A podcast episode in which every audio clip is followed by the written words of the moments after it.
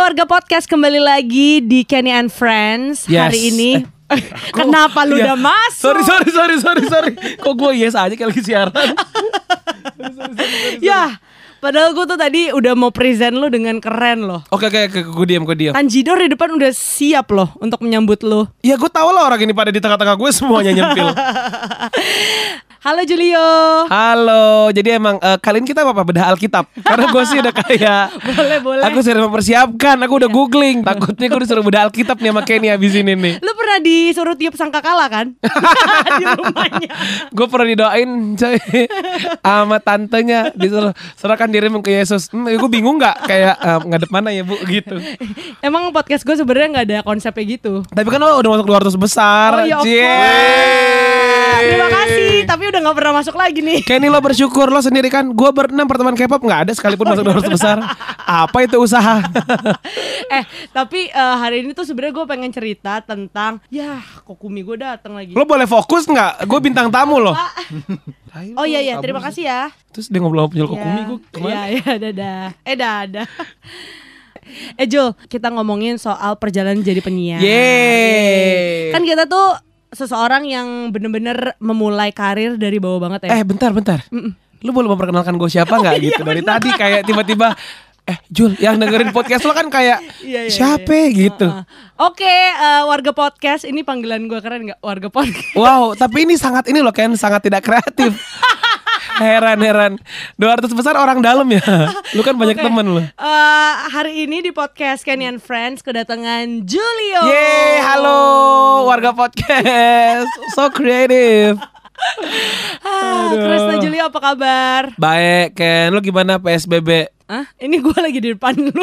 Oh, oh nggak ada drama-dramanya. Tapi itu yang tadi gue bilang, kita kan sama-sama penyiar yang memulai Betul. karir dari nol. Yes. Sekarang kira-kira kita di mana ya? Eh, Alhamdulillah ibarat kata ada judul nih ya. From zero to nothing. gitu. Kita bersyukur lah paling iya, enggak iya, lu masih enak kan lu udah jualan siomay kan? Iya benar. Gue apa yang bisa dijual? Diri aja nggak bisa gue jual. Betul. Sebenarnya lemak lu bisa dijual sih. Kalau bisa diiris gue iris kan. Cuman masalahnya kalau misalnya lemak babi kan enak ya. Ah. Kernyes-kernyes kalau lu kayaknya agak Sungguh amis dir gitu jatuhnya. Jangan deh. Gitu. Iya iya iya iya. Jo, Ah. eh, lu memulai karir lu sebagai penyiar radio tuh gimana sih caranya? Eh, sebenarnya sih standar aja kayak gak ada yang spesial. Gue masuk radio kampus terus tiba-tiba Prambors buka audisi. Gue bener-bener nggak tahu kenapa gue keterima coy. Sumpah ini nih bukan gue mau kayak di acara-acara yang kayak aku nggak tahu kenapa gue keterima tapi gue bener-bener nggak tahu kenapa gue keterima karena dulu tuh Prambors ada tes lagu. Iya. dari 40 lagu gue cuma tahu satu lagu Ken.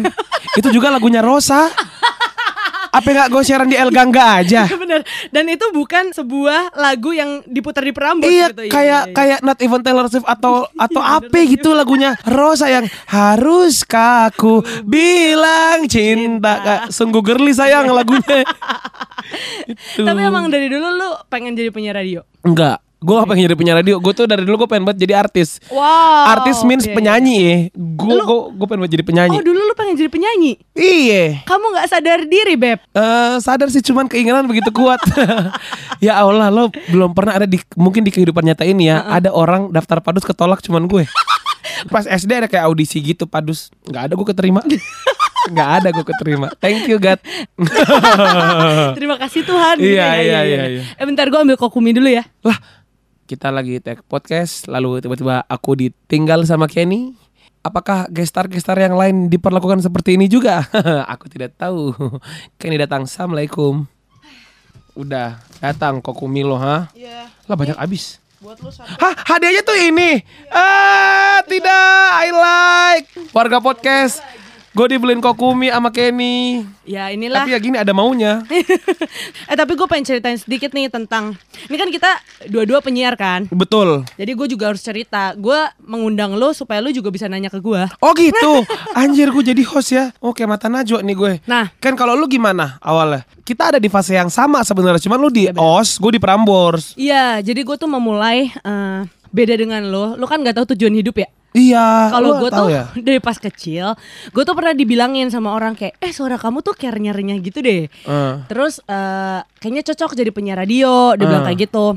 Oh iya iya, terus gue mulai-mulai tuh cari-cari. Jadi pas gue satu SMA, terus gue langsung kuliah kan, abis satu SMA. Nah gue cari-cari kayak pendaftaran untuk jadi penyiar radio. Kebetulan OS buka, gue ikut audisinya. dari 100 orang, ratusan orang, gue kepilih cuy. Hmm. Jadi 10 besar.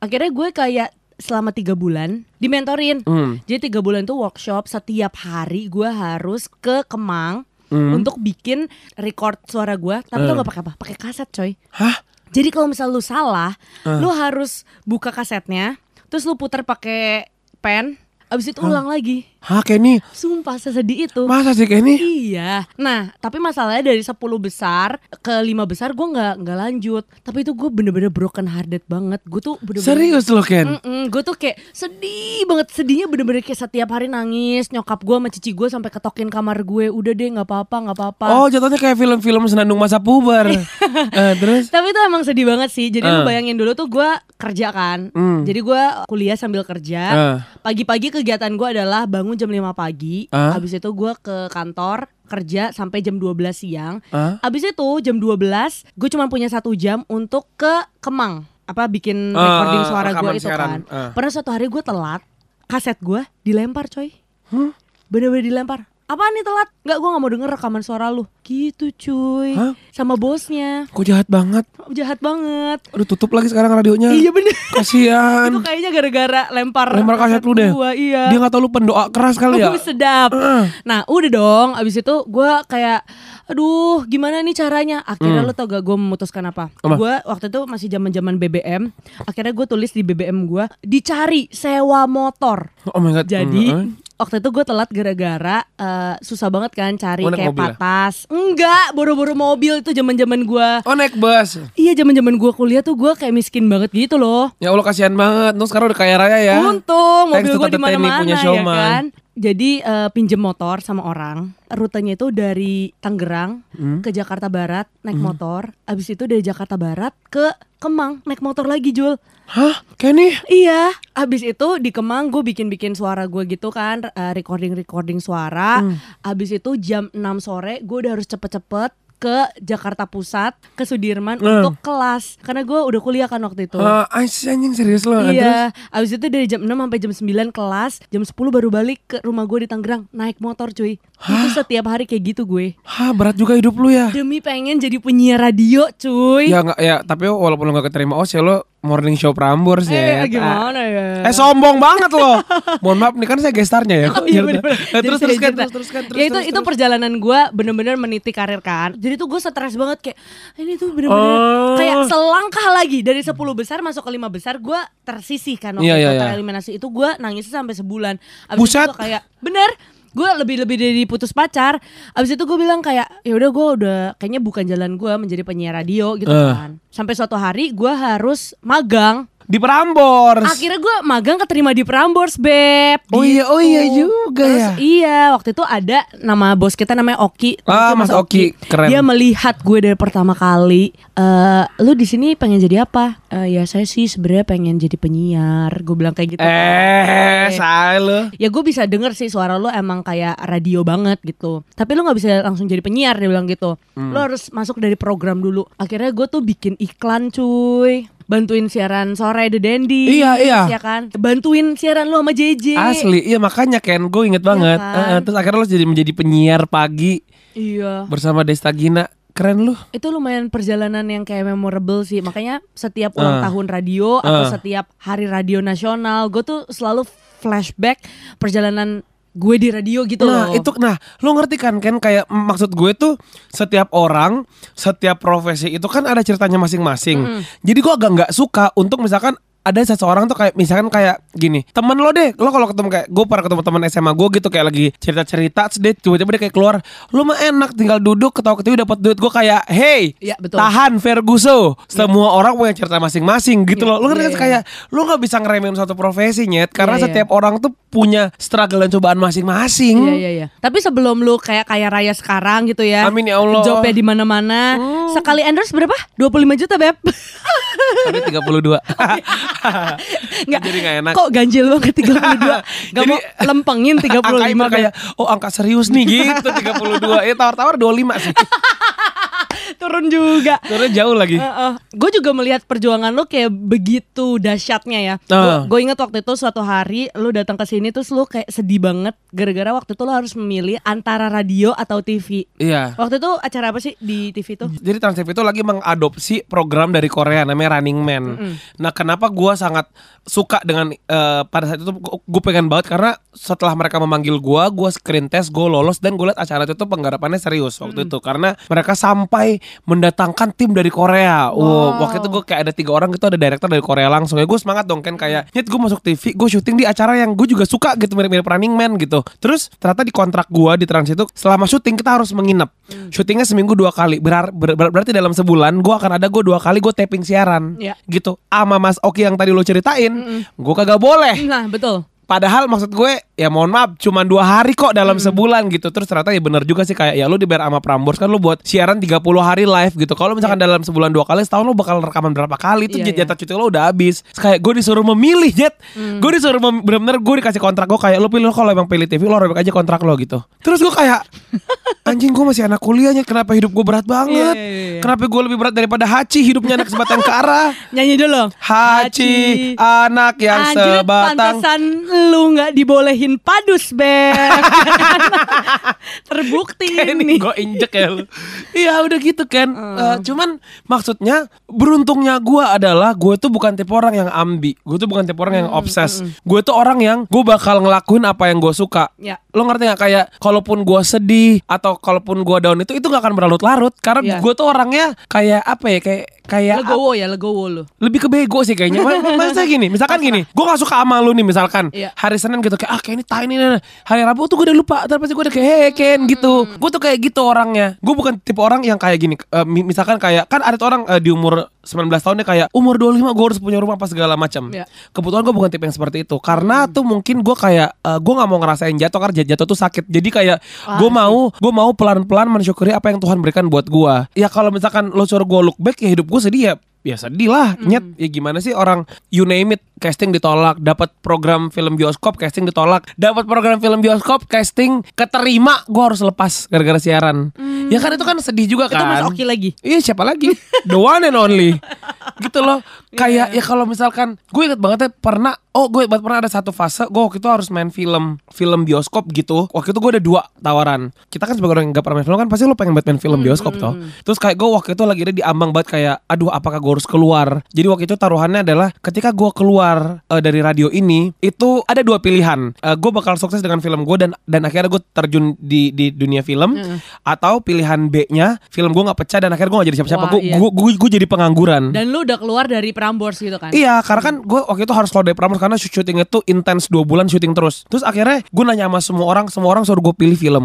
Even nyokap gue suruh gue pilih film. Gue tipe orang yang nyokap gue bilang apa gue ikutin. Tapi untuk pekerjaan dan untuk ma- masa depan Gue lebih ke yang gue ngelakuin apa yang gue suka. Kayak kenapa gue memilih Prambors Karena somehow ada kayak suara Lo ngerti gak sih? Kadang-kadang tuh Lu punya keyakinan kayak ambil ini Jul gitu. Nah, it- itu yang membuat gua masih di Prambors sampai sekarang saya masih di penyiar radio sampai sekarang. Dan sekarang siapa sih yang bakal nyangka kalau dunia TV dan film bakal kegerus Iya. sama sosial media Betul betul betul. gitu. Thank God kita gak usah syuting sampai pagi. Ya gue pernah sih catatan sih boy cuman Iya. ya ya Cerita lu sama deh kayak gue. Dulu gue juga hampir memilih eh, menjadi pramugari daripada menjadi penyiar. Ken kalau pramugari nih ya lagi covid kayak gini nih lu nggak kerja Ken. Mending lu jadi penyiar. Covid dari rumah. Tapi gue pernah di introduction dalam podcast ini, gue pernah bilang gue pengen jadi pramugari. Kenapa? Karena dulu tuh gue siaran, ini ceritanya udah di Prambors ya. Hmm. Gue siaran tuh cuman kayak weekend doang, Jul, kayak Hmm. seminggu sekali. Hmm. Dulu gue inget banget kayak eh, tiap dapat eh, gaji bulanan itu slip gaji Dikit banget ya. dikit banget kayak cuma sekali tujuh ya? ratus ribu, delapan ratus ribu, sedih nggak lu? Itu kayak Ken maafin. rumah gue di Tangerang ya naik bus gitu Iya, iya, kayak bener, bener, pas, bener, bener. eh gajian beb Hmm. tujuh ratus ribu gitu sama capeknya aja nggak kebayar ya Ya kan lagi bener. Mm-mm. Tapi sekarang kan 70 juta kan Oh sombong banget Nikta Gina kamu tuh Tapi kira-kira pramugari apa yang Semok-semok kayak lontong gini apa? Lion Air ya Lion Air. Kurang ajar. Astagfirullahaladzim Kenny. Gila nanti gue mau di endorse lagi. Iya bener bener mereka. bener. Ini di endorsean Air gue takut deh kayaknya. Maaf Astagfirullahaladzim. Sorry sorry sorry banget.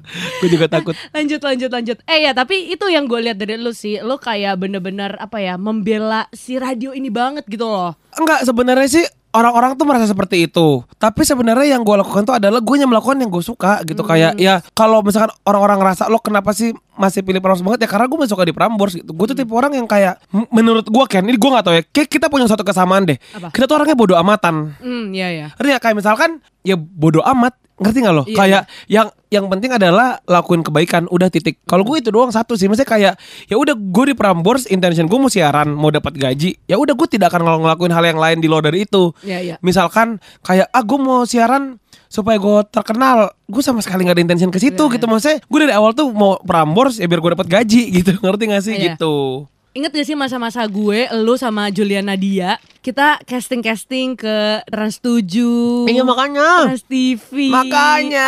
Aduh. mungkin ini ini juga banyak banget yang yang bertanya-tanya misalnya tiap gue di seminar segala macam suka ada yang nanya sama gue gitu dan mungkin mereka bakal nanya ke siapa pun ya kayak apa sih kuncinya untuk lo kayak sekarang karena kalau lo mau ngomongin sedih-sedihnya kehidupan eh gue yakin pasti hidup gue sedih hidup lo sedih tapi nggak ada yang lebih sedih karena kita semua punya porsi sedih kita masing-masing kan kayak lo kalau ngomongin sedih-sedih tuh banyak tapi ya gimana ya kayak ya itu tuh emang proses yang harus lo lewatin sih Iya, iya. jadi kayak ya ya lu jangan takut jatuh, lu jangan takut salah, lu jangan takut menuju ke jalan yang salah karena emang ya kalau lo tidak pernah jatuh lo nggak akan tahu kalau jatuh itu sakit. Dulu tuh gue orangnya sirik banget. Jadi kayak Apa sirik? Sirik. Oh ya? Jadi kalau kan tadi bilang lu kayak nggak ngoyo ya. Justru kalau gue tuh sebenarnya Hmm. walaupun nggak kelihatan, lu tuh gigi. iya gue Gue tuh orangnya- pemalas. Nah, gue tuh orangnya suka yang kayak pokoknya beneran kata lu 25 gue harus kayak gini, Hmm. 26 harus kayak gini. Gue tuh selalu kayak iri gitu lihat orang misalnya nih, Hmm. lihat lo Hmm. waktu itu lu main film, gue iri gitu kayak Hmm. kok bisa ya segendut ini main film. Ah,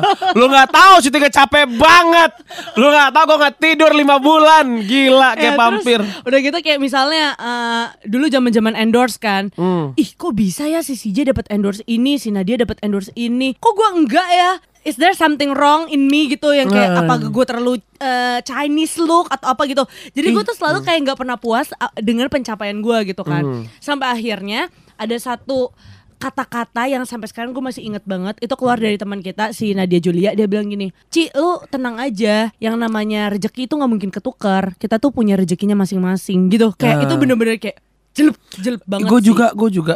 Kadang-kadang kita suka berpikir kan kayak gila dia banyak banget kerjaannya apa segala macam lah lu nggak tahu aja mungkin pengeluaran dia lebih, Lebih banyak, banyak. daripada lu Gue ya kan setuju, gue setuju. kayak lu pendapatan 100 juta Iya. tapi pengeluaran lu 120 juta kan Alha- Alhamdulillah lebih besar pasak daripada tiang dir. Thanks God. Ada tuh lagi PSBB mau beli laptop. sama gue beli handphone 24 juta kayak heh lu kayak enggak boros iye Iya, gitu. bener-bener. Tapi oh ini eh, Ilham pernah bilang gini ke gua. Kayak Tuhan itu pasti akan berlaku adil ke umatnya. Masalahnya adil itu bukan masalah jumlah yang sama, tapi adil itu adalah eh sesuai kegunaan loh. Hmm, bagus Nger- sih si Ustadz itu ya Bagus emang dia walaupun tua tapi bagus. Misalkan gini kayak kayak gua sama lo gitu. Misalkan rezeki lo di- dikasih sama Tuhan tiap bulan 20 juta, gue uh, gue 5 juta. Mungkin lo bisa lihat tidak adil, tapi kan setelah kita telik lagi mungkin kebutuhan lo lebih banyak, kebutuhan gue lebih sedikit kan jat- jatuhnya adalah itu ses- sesuai guna gitu. Iya, bener, bener, Itu bener. yang namanya adil. Anjay. kok keren banget loh Keren. Gue bikin podcast ah. Na- namanya Assalamualaikum Julio. haleluya Oh, kristenisasi. Em, nah tadi ngomongin soal kita kan eh, sama-sama udah sukses nih ceritanya ceritanya udah sukses Amin ya Allah. belum banget sih belum sedesta gitu cuman alhamdulillah udah sukses lah gitu Nah. Eh, dan seperti yang tadi Iya jadi kayak lu adalah tipe orang yang kayak bener-bener ya udah slow aja nyantai gitu kan. Sedangkan gue tuh yang kayak gue harus ini harus itu gitu. Warga podcast ini harus gimana nih? Sepertinya pendengar Kenny labil-labil banget ya. Hidupnya tuh rinci banget. Sebenarnya sih ya kalau harus apa yang harus kalian lakukan, gue sih nggak bisa bilang karena gue juga bukan opera ya. Cuman kayak kalau menurut gue apa yang harus lo lakukan adalah jalanin jalan lo sendiri sih. Iya. Kayak orang tuh ini yang sering terjadi sama orang lain dan juga gue ya. Selain kita itu orangnya cemburuan sama Ricky orang lain, kita juga suka nggak percaya sama diri kita sendiri. Iya benar. Kayak gue tuh dulu sempat ada momen gue ngerasa kayak Emang salah ya gue santai kayak gini. Emang salah ya gue nggak gue nggak punya obsesi. Ini malas bukan sih jatuhnya apa segala macam. Ya tapi lo harus lihat brighter side-nya kayak enggak Ju lu bukan pemalas, lu itu ikhlas. Mm-mm. Ngerti nggak kayak Iya, iya, iya, iya. kayak mi- mis- misalkan, misalkan gini kayak lu kan lu lu itu bukan ambi, lu itu rajin. Iya iya. Artinya kayak semua itu ad- se- semua tuh ada sisi baiknya tergantung dari mana lo memandang. Iya, iya, Ketika lo terbiasa memandang diri lo sendiri negatif, lo akan memandang orang-orang negatif dan lo akan berperilaku negatif gitu. Jadi maksudnya mm, ya lo ya, ya lo harus lihat positifnya aja gitu. Kayak misalkan dulu pas zaman-zamannya gue ketolak casting ini, casting itu apa segala macem. Gue yang sepengalaman sini gue sempat mikir kayak ih kok gue gak keterima keterima ya? Padahal gue pengen banget Iya, gitu. iya, iya. nah tapi gue selalu kayak lah ya iyalah ya orang bukan rezeki gue gitu. Iya, iya. Ih, siapa sih yang nyangka kalau sosial media bakal naik banget Iya, gitu. iya. kayak gue nggak siaran sebulan gue udah dapat endorse dua aja gue bisa hidup nyet gitu loh. Kayak lebih daripada gaji gue siaran. Kan kadang gak ada yang bisa menyangka itu kan. Bener. jadi emang semua orang tuh punya rezekinya masing-masing. Ketika lo ditolak di di hal A ya karena Tuhan sudah menyiapkan dari B sampai D buat lo jadi lu nggak usah panik nyet karena emang Tuhan turun lu ke bumi itu udah lu sama makan makanan lo gitu kagak lu doang sendiri terus Iya, bener. terus nggak tahu lo makan apa gitu jadi kayak Tadi eh, ada kata-kata lu yang bagus yang gue bilang suruh catet itu. Bukannya banyak. Anjir, eh eh, jalani apa yang ingin lo jalankan, yakini apa yang lo percaya. Kok jadi kayak Kristen banget ya kata-katanya? itu diambil dari kitab. Eh, Yesaya. Ngasal banget. Eh tapi kalau ngomongin soal casting ya, dulu salah satu yang paling gue inget dan gue jadi sedih gitu ya. Hmm. Gue tuh dulu kan pengen banget tuh su- eh, main kayak FTV FTV gitu. Oh ya. Eh, Emang gue dari dulu norak sih Jul, Hmm. susah ya. Em, jadi gue tuh dulu suka follow yang di line-line gitu loh, kayak cari casting apa segala macam. Oh ya? Gue tuh pernah datang ke dua casting yang menurut gue ini doji banget. Satu adalah casting di Kemang, di KFC Kemang tuh gue inget banget. Hah? Di atas itu kayak ada eh, kantor. Nah Hmm. kantornya itu tuh kayak bener-bener cuman kebentuk dari triplek-triplek. Anjing penipu gak tuh? Nah, udah gitu gue di sana, Hmm. tau nggak casting jadi apa? Jadi model harus seksi-seksi gitu, Jul. Mas asik kan? iya, jadi kayak yang pas datang ke sana tuh yang cewek-cewek yang pakai eh, rok pendek, yang dempulan-dempulannya tuh tebel-tebel banget. Serius lo? Iya, terus kayak disuruh, ayo, eh, ini namanya Kenny ya? Iya maju. Harus seksi-seksi gitu. Terus dia kayaknya melihat gue, kayaknya nih orang nggak kayak gitu gitu ya. Ah. Dan body gue nggak seksi. ya kan? Itu kayak halo Nutrijel gitu. udah obvious banget kan gue nggak seksi gitu kan akhirnya dia bilang ya udah nanti dikabarin lagi ya Sama kayak gue juga gitu kan. Tenang lu aja apa Ken. lu apa Tau gak gue dulu castingnya apa? Jadi gue tuh datang bukan casting udah screen test gitu. Jadi gue disuruh mengekspresikan emosi tapi nggak pakai dialog. Mau mati nggak lo? Kayak maaf, saya bukan acara hadiah. Boleh yang standar-standar aja nggak? Gue disuruh gini. Coba sekarang ceritanya lu marah. Pasti pengen ngomong dong. Iya, Kayaknya iya, kan iya. untuk mencapai lo marah. Kadang lu, lu ngomong kan enggak enggak enggak. Lu nggak usah ngomong kayak ekspresi aja mimiknya kayak. aja Iya. Terus abis marah sedih gue kayak. Muka gue gini aja bang gitu. Iya, iya, lu mau suruh gue marah, lu mau suruh gue sedih begini muka gue Iya, gitu ketakutan. Ih kenapa mirip-mirip ya anjing gitu. Kenapa lu nggak misalkan kayak gini. Bahagia. Kesurupan kan lebih kayak jauh gitu loh Iya, Ken. iya, iya, iya. Ini kayak marah, sedih. Karakter gue tuh? Iya, iya, bener, Jadi pemeran utama catatan harian Naila. Apa-apa gitu. Iya. Terus ya, ya tapi ya alhamdulillah gue keterima di catatan si Boy itu. Which is sebenarnya sih yang gue lihat adalah ternyata gue catatan si Boy itu bukan for the sake of uh, popularity atau apa pun itu ya, ya Hmm. y- mungkin bisa segala macam. Tapi di catatan si Boy itu gue dapat pelajaran hidup yang sangat banyak gitu. Di, di catatan si Boy selama lima bulan kan, gue akan callingan itu jam 6 pagi. Iya. Gue akan syuting sampai jam 2 Hmm. dan gue harus buru-buru ke Prambors. Syuting gue tuh kan kadang ke Cibubur, Taman Mini, Pondok Cabe. wow jauh ya Beb Iya, gue harus buru-buru ke Prambors, gue harus secara normal, tim gue tidak boleh terganggu. Iya, iya. Habis siaran gue harus ke lokasi syuting lagi. Eh, gue harus nyampe lokasi syuting jam 9 Hmm. Karena kalau gue nyampe telat, satu lokasi pulangnya telat. Lah gue sih nggak enak kan Iya, iya, Sagitarius. iya, bener. Gue pernah dari sini ke Cibubur naik ojek dua kali nyambung. oh my god gara-gara kejauhan satu ojek nggak mau Eh, iya gak mau dan gue gak mungkin naik mobil karena Iya, macet iya. banget antasari tuh. Terus gue masih ada banyak scene gitu. Terus gue syuting jam 9 malam sampai jam 3 subuh, jam 6 syuting lagi. Itu Iya, gue lakuin iya, selama 5 bulan kali. wow Dan gue tidur tuh di jalan sama si 2 jam itu. iya iya iya iya. Terus gue pernah kayak gue syuting di Sentul, kelar syuting jam 3, gue ada lagi scene jam 7. Jadi gue dari Sentul gue pulang ke rumah, gue waktu itu ada driver, gue tidur di mobil, ny- nyampe rumah gue mandi, terus naik mobil lagi tidur lagi ke Sentul lagi syuting lagi. Wow. Itu masih siaran siangnya, Iya, iya, Bunda. Tapi kayak itu yang membuat gue jadi semakin disiplin sampai sekarang gitu karena ya alhamdulillah ya gue nggak pernah ada di fase gue suka telat gitu. Iya, iya. Tapi bener sih, gue juga akhirnya kan pernah merasakan yang namanya syuting kan. Dan Capek kan nyet. capek banget. Jadi kalau misalnya kalian berpikir selama ini yang syuting ih enak ya jadi artis bla bla bla bla bla bla gitu kan. Gila ternyata di balik itu tuh banyak banget pengorbanan yang kayak waktu itu ya pas gua syuting itu, gua itu juga harus standby dari jam 8 pagi. Tapi baru syuting bisa jam 11, jam 12 dan kita nggak boleh ngeluh gitu. Ah. Nah dulu gue sebagai yang kayak presenter baru-baru kan Eh. belum punya wardrobe banyak kan. Hmm. Jadi tuh selalu pakai wardrobe-nya mereka. Ya. Nah, wardrobe-wardrobe yang dipinjemin itu adalah untuk wardrobe yang kayak cewek-cewek, tau kan badannya yang kayak kecil-kecil gitu. Oh kayak eh Barbie lu gitu. Iya, jadi gue selalu nggak muat Julio. Kayak mohon maaf ini bajunya Aurelia kak gitu. Kenapa aku disuruh pakai? Iya, jadi tuh bajunya tuh nggak pernah muat gitu. Sampai produser gue tuh bilang kayak, e, lo harus kurusin badan minimal 5 kilo lagi. Gue gue Parah. Terus kayak pernah lagi gue kayak acara anak-anak. Itu saking gue pengennya. Jadi tuh Hmm. mereka mau sok-sok bikin kayak high five-nya Indonesia. gue tahu yang baju lo warna itu semua Parah. kan Ken. Sampai sekarang gue tuh masih diolok-olok sama Desa sama Gina Hmm. setiap lihat baju itu gitu.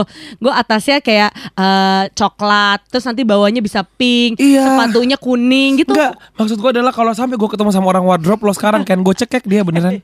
Iya bener-bener. Gue cekek kan. Itu itu adalah perjalanan-perjalanan yang kayak gila kalau gue flashback, gue nggak nggak pengen balik sih, gue nggak pengen balik sejujurnya. Kayak nih, gue pernah syuting di Trans TV juga. Gue pakai baju badut. gue pakai baju badut tuh kalau gue ngapain? Nidurin kodok, mandiin ayam. Masa sih Sumpah Jul? Kenny Lo cari ya Nih buat lo lagi dengan podcast Lo cari Seribu satu fakta Iya. Episode 1 Itu ada gue Gue pakai baju badutnya Terus Aduh, gue bilang joget-joget Terus gue tidurin kodok Sampai gue pucet Karena gue kan takut binatang kan Iya, iya, iya. Gue kayak Ya orang nyari duit tuh gini amat Iya, ya iya. gitu Tapi tapi gue setuju sih. Aduh cari duit gini-gini amat gitu ya. Tapi akhirnya kalau misalnya lu melewatinya dengan tegar, Hmm. maksudnya lu lewatin aja gitu loh. Itu toh menjadi pembelajaran buat lu. Ya sekarang puji Tuhan kita udah bisa milih kan. Iya, Kayak benar. kerjaan apa yang pengen kita ambil gitu. Gue setuju Iya. Gue setuju kita milih iya, bener. Ba- Bahkan kita bisa menolak pun Kayak ya Betul. Lu tidak harus menjadi orang terkenal Untuk lo menolak sesuatu gitu Iya. Karena kadang-kadang Lu menolak itu for your own good sih. Jadi kayak Jangan takut dibilang sombong Karena ketika lo, lo menolak Ya berarti memang lo memikirkan tubuh lo gitu Iya bener-bener bener. Apa yang lu tolak baru-baru ini Jul? Wes. Oh banyak Oh, lagi gila. Cie. Program-program Program-program TV udah gue tolakin Males gak sih Kayak Oh karena anda pernah diutangin berapa ratus juta? Iya nggak dibayar kayak halo kayak aku endorse kali bisa kayak syuting dua bulan bayarannya jadi kayak nggak usah deh gitu. Eh tapi Apa? setelah berapa tahun nih lu berkarya di dunia entertainment? berapa tahun ya? Ya Tujuh tahun mungkin kali delapan ya tahun. tujuh tahun, delapan tahun. Sekarang Iya. apa aja sih pencapaian lo yang menurut lo kayak paling das Hmm. gitu? Eh, Alhamdulillah sih nggak ada.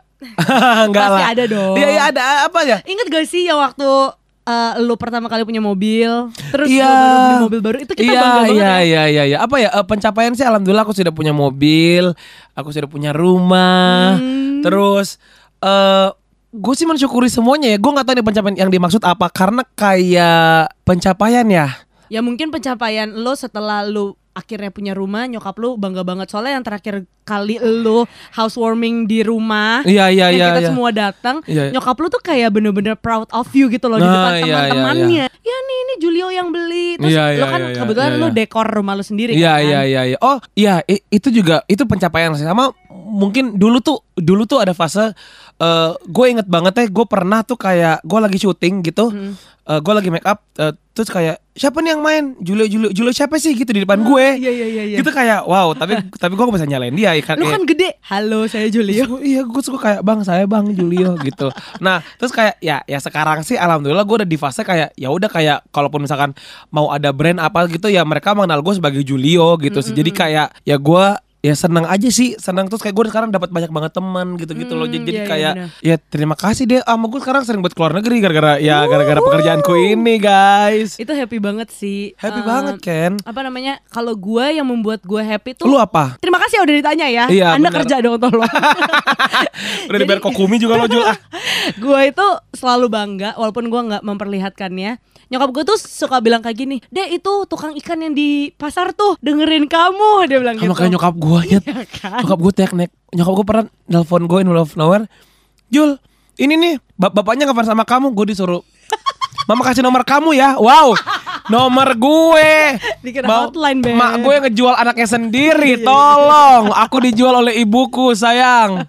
Bahkan sampai sekarang nyokap gue itu tuh selalu nyalain radionya di kamarnya Jul. Iya, Itu makanya gue tiap pagi. Sampai gini loh, kadang-kadang kadang-kadang kalau sebelum gue tidur ya gue tuh suka berkontemplasi kayak aduh gue nggak Apa sih kontemplasi? kayak lo mikir gitu. Oh, iya. Lo kayak aduh gue masih ada di titik ini lagi apa segala macam gitu. Karena kan manusia kan lo kan suka nggak puas sama apa yang lo raih gitu ya. Padahal lo kalau mundur kadang-kadang kan gue kayak aduh gue pengen jadi penyanyi, gue sekarang kagak jadi penyanyi, gue nggak jadi Iya, aktor juga, gue jadi penyiar dong gitu. Cuman ternyata kebahagiaan terbesar adalah ketika ibu lo bangga sama lo sih. Iya benar. Kayak kayak dengan lo ada di posisi ini, lo tidak mensyukuri, lo pengen lebih tapi lo lihat deh ibu lo sendiri Hmm. itu bangga sama lo. Itu aja udah cukup sebenarnya, coy. Iya nggak? Iya nggak? Ibu lo cukup sama lo. Iya benar. Belum lagi lo biayain keluarga lo. Iya. Iya kan, gitu loh. Mas- Maksudnya kayak, eh, bener sih emang udah emang yang harus. Makanya tadi gue bilang kembali lagi, gue tuh bukan orang yang ngoyo. Karena kalau gue orang yang ngoyo, m- mungkin sekarang gue masih tidak bersyukur karena gue belum menjadi apa yang gue mau. Gue belum menjadi aktor, gue belum menjadi penyanyi. Sedap. Gue nggak jadi Reza Radian gitu loh. Sebentar lagi kan lo itu main film. Amin. Film bokep kalau salah. Kayak aku bercinta sama ular. Emang kamu punya? Nggak punya. Kata ular, mana nih?